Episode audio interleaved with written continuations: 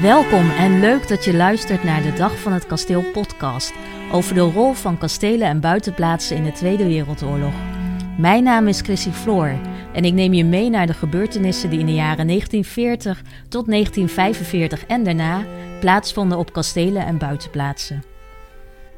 Buitenplaats Reuversweert in het Gelderse Brummen lag destijds midden in de frontlinie. Schrijfster Martine Lettery dook voor haar boek De klok stond stil in het oorlogsverleden van Reuversweert. Zij onthult wat zich tijdens de laatste oorlogsdagen afspeelde in Reuversweert en hoe deze tragische geschiedenis nog altijd doorwerkt in het heden. Welke rol speelde Reuversweert in de Tweede Wereldoorlog? Uh, nou, eigenlijk uh, pas helemaal op het laatste heeft uh, Reuversweert een rol gespeeld.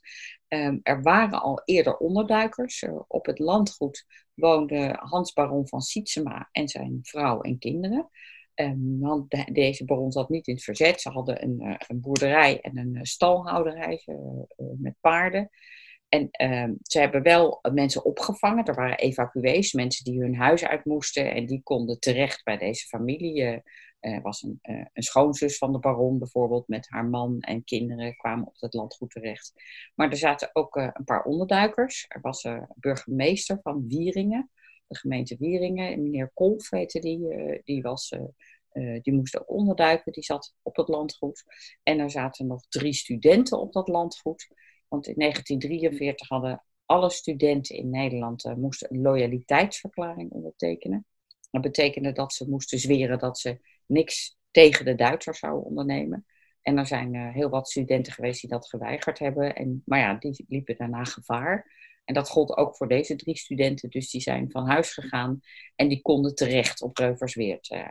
En uh, een van die drie studenten heeft een dagboek bijgehouden, Erik de Vries. En dat dagboek is ook onder andere de bron van, van mijn verhaal daarover, uh, over wat ik ervan weet, wat er op die oorlogsdagen is gebeurd. Nou, dat is dat enige dat ze dus die mensen opvingen daar, maar helemaal aan het eind van de oorlog uh, is de westkant van de IJssel is nog in handen van de Duitsers en de oostkant van de IJssel is, daar rukken de Canadezen op.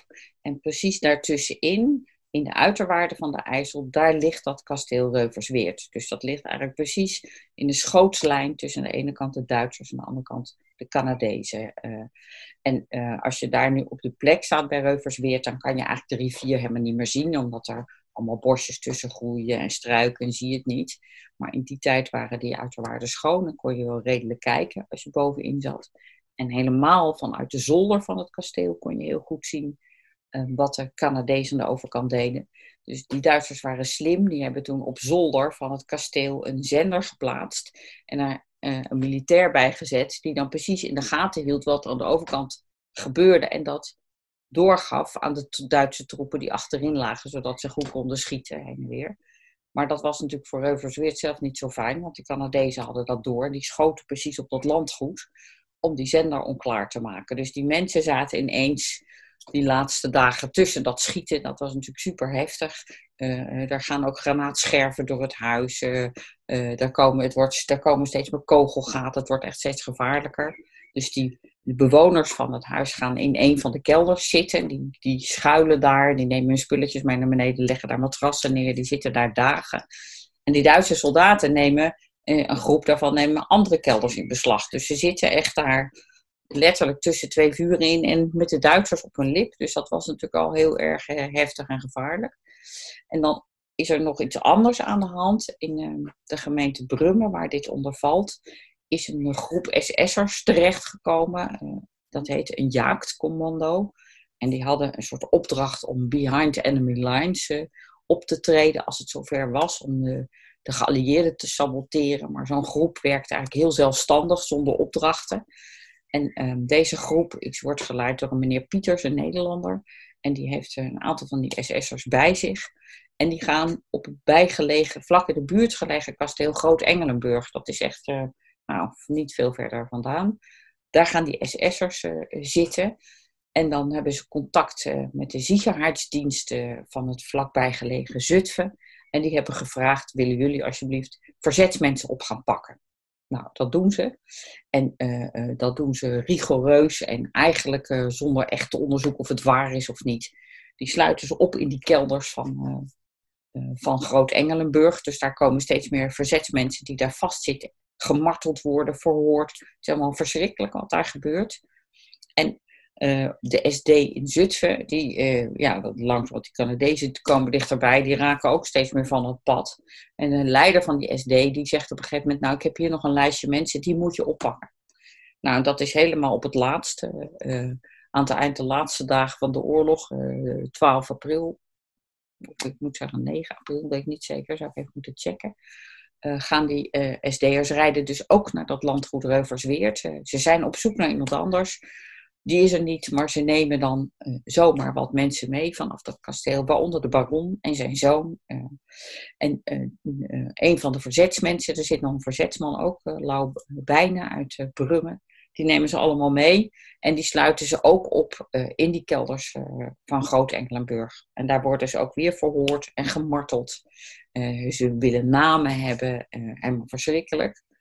Nou, dan langzamerhand, die Canadezen rukken steeds verder op. En in de nacht van 11, 12 april, dan gaan de Canadezen steken de IJssel over bij Arnhem. Nou, dan weten die SS'ers, dit gaat uh, fout aflopen. En dan halen ze acht mensen uit die kelder, uh, daar uit Groot-Engelenburg. En die executeren ze de volgende morgen bij de vijver van Groot-Engelenburg. En daaronder de bewoner van Reuversweert, Hans Baron van Sietsema. En dat is natuurlijk zeer dramatisch. Ehm, eh, dat huis is al waanzinnig beschoten. Eh, ehm, ik kan me voorstellen, uh, de rest van de familie zit nog op het kasteel. Die krijgen de volgende morgen dat bericht. En, maar het is een dag later, dat geloof ik kort een oever wordt bevrijd, dat waar zij zitten. Dus het is echt vlak voor het einde van de oorlog. Totaal zinloze en gruwelijke daad van de SS'ers. Die trekken daarna door en laten eigenlijk de rest van de gevangenen achter, in, opgesloten in de kelder van Groot-Engelenburg die worden uh, ontdekt door de tuinman en die laat ze vrij. En die SS'ers trekken verder en die, uh, in de buurt van Loosdrecht uh, gaan ze ook nog eens een keer verschrikkelijk tekeer. Dus ze trekken een beetje voor de oprukkende Canadezen uit. En ja, dat doen ze helemaal op hun eigen houtje zonder opdracht, omdat ze het zelf willen. Maar dat zijn dus echt in een paar dagen tijd. Het begint op 1, 2 april zo'n beetje en het houdt, de bevrijding is 15 april. In die twee weken gebeurt dat allemaal. Dus dat is wel super heftig. Ja, het is echt een verschrikkelijke geschiedenis. Ja, ja. ja, ik hoop dat ik het, weet je, het is natuurlijk een heel verhaal, dus ik hoop dat ik het een beetje duidelijk vertel, want het is best complex. En met aan de ene kant die groep SS'ers, aan de andere kant die beschietingen in dat kasteel, uh, op dat kasteel. Waar die mensen uh, ondertussen in dat, die bu dat buurtschap waar zij zitten, uh, uh, om hen heen vliegen boerderijen in de fik, want die worden geraakt. Uh, granaatscherven in de boomgaarten, dieren die worden, liggen dood in de wei. Dus het is echt uh, heel dramatisch. Ja, en jij besloot hier een boek over te schrijven. Kun je vertellen hoe je ja, daarop kwam? Uh, ik ben uh, uh, gevraagd door, dat is een kleine uitgeverij, uitgeverij De Geitenpers. En die zit in Brummen en dat is wel bijzonder. Die vragen allemaal Nederlandse schrijvers of die een relatie hebben met Brummen. of vragen ze om over een onderwerp te schrijven dat te maken heeft met Brummen. Nou, ze hebben echt een prachtige serie boeken uitgegeven. Ik geloof dus één of twee van die boekjes per jaar. Ze zijn maar klein. het zijn eigenlijk meer een soort verhalen. Heel mooi uitgegeven. En op een gegeven moment, ja, dat Brum is, ik woon er niet ver vandaan, werd ik benaderd. Zij zei van, goh, zou jij in die serie wat willen schrijven? En zij zeiden heel gericht, wil je dan over Reuversweert schrijven? En ik mocht zelf weten waar het over ging. En toen ben ik gaan lezen over Reuversweert. Ja, dit is eigenlijk gewoon de meest dramatische gebeurtenis die daar heeft plaatsgevonden. Want het is helemaal niet zo'n oud kasteel. Het is maar uh, uit 1830. Dus uh, vrij jong. En daar is uh, nou één keer een romantische bruiloft geweest, waar prachtige vetpotjes op de, op het, op de oprit gloeiden. Dat zie ik me ook wel romantisch voor. Maar ja, dat was eigenlijk het enige andere wat er beetje spannend had plaatsgevonden. En voor een verhaal moet er natuurlijk wel iets gebeuren in het boek. Dus toen ben ik dit verder uit gaan zoeken. Ja, dan was ik wel gegrepen. Het is natuurlijk wel een heel aangrijpend verhaal. Uh. Ja, want uh, bij dat verder uitzoeken maakte je ook gebruik van uh, het dagboek van uh, de onderduikende student. Ja, ja. wat, wat, wat greep je nou het meeste aan in dat dagboek? Ehm, nou, ik, ik zag heel erg dat die mensen al zo bezig waren met de bevrijding. En dat het eigenlijk al zo dichtbij was. En dat ze eigenlijk ook helemaal geen tijd hadden om over dingen na te denken. Want het, ja, als er alles om je heen ongeveer ontploft, wat moet je? Dus zij hebben helemaal niet overzien wat er tegelijkertijd gebeurde. Dat die baron werd weggehaald, is natuurlijk verschrikkelijk. Maar ondertussen eh, gebeurt er van alles en ze, het, ze worden nog steeds beschoten. Dus ze, die student is vooral daarmee bezig. Terwijl ik kan me voorstellen dat er voor de familie van die baron ook anders was, dat hij zich zorgen maakte. Maar je ziet eigenlijk hoe klein je wereld is als je zo, hè, en zo in gevaar verkeert. Dat je dat helemaal niet overziet. Denk, ja, wat hebben wij dan eigenlijk een rustig luxe bestaan? Hoe, hoe angstig moet het zijn en hoe onzeker dat je ineens in zo'n positie terechtkomt waar je eigenlijk helemaal niks aan kan doen ook zelf. Je bent gewoon overgeleverd aan de omstandigheden. Dus dat is eigenlijk dat je zo aan de omstandigheden overgeleverd bent, dat heeft me toch wel het meeste geraakt daarvan. En ook de zinloosheid, ik bedoel sowieso, is dat, uh, dat er dan zomaar van die ja, ja, van die losgeslagen kerels zomaar mensen oppakken uh, zonder enige vorm van proces ja, de rechteloosheid daarvan, dat vond ik ook heel verschrikkelijk. En op welke manier eh, werkt deze geschiedenis nog door in, in, in het heden? Nou, behoorlijk, want het is eigenlijk is dat uh, de familie is weggetrokken daarna. Dat landgoed was ook zo in puin, daar, was, daar kon je niet meer wonen. En dat wilden ze denk ik ook niet meer na deze gebeurtenissen. Dus het is eigenlijk niet meer bewoond geweest sindsdien. En uh, ja, dan, gaan, dan, wordt dan, dan krijg je dat, wordt er in de buurt gepraat over dat het een spookhuis is. Ja, onzin natuurlijk. Het is gewoon niet meer bewoond. Uh, het boerenbedrijf is wel doorgegaan, want deze mensen hadden een groot boerenbedrijf. Dus dat is wel verder gegaan, maar ze hebben dat huis niet meer betrokken. En toen mijn boekje werd gepresenteerd in Brummen, was heel bijzonder, want het was in de, in de Primera daar. En nou, ik, het was ontzettend druk. En ze zeiden ook eigenlijk drukker dan bij andere boekpresentaties van diezelfde serie. Omdat iedereen in Brummen zich toch heel erg verbonden voelt met dat verhaal. En ik kreeg daar ter plekke ook verhalen. Ja, mijn moeder zat ook in die kelder, want er zaten wel veertig mensen op een gegeven moment die daar gingen schuilen. En uh, ja, dat ze dan, nee, dat zijn leven lang heeft zo'n vrouw dat met zich meegedragen. En iedereen had wel verhalen die daar iets mee te maken hadden. Dus dacht ik, ja, dan zie je hoezeer dat nog steeds leeft in de gemeente. En heel mooi dat dat nu kasteel, dat er iemand het heeft gekocht en het helemaal nu aan het opknappen is. En dat, uh, ik ben daarin geweest nu en dat is indrukwekkend om te zien wat daar voor werk wordt geleverd. Dus dat wordt in zijn oude luister hersteld met allemaal oorspronkelijke materialen. Nou, dat gaat nog wel even duren. Maar dat is dan ook wel weer heel mooi dat er weer zo'n nieuw leven geblazen wordt in het kasteel. Ja, mooi. Ja, ik heb echt uh, ademloos zitten luisteren naar jouw verhaal.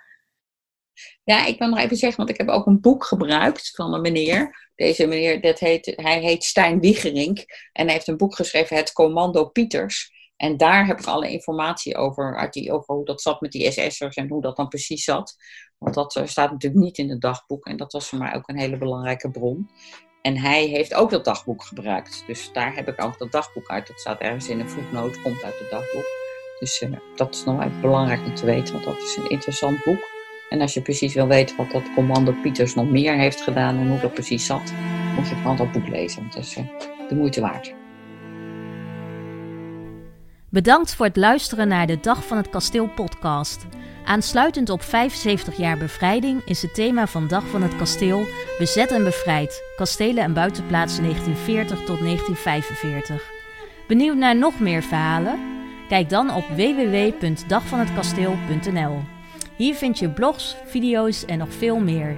Of volg ons op social media en blijf op de hoogte van het laatste nieuws. Dag van het Kasteel is een initiatief van de Nederlands Kastelenstichting. De intro- en outro-muziek van deze podcast is gecomponeerd door Ellen Steffers Dekker en uitgevoerd door duo Two of a Kind. Tot snel!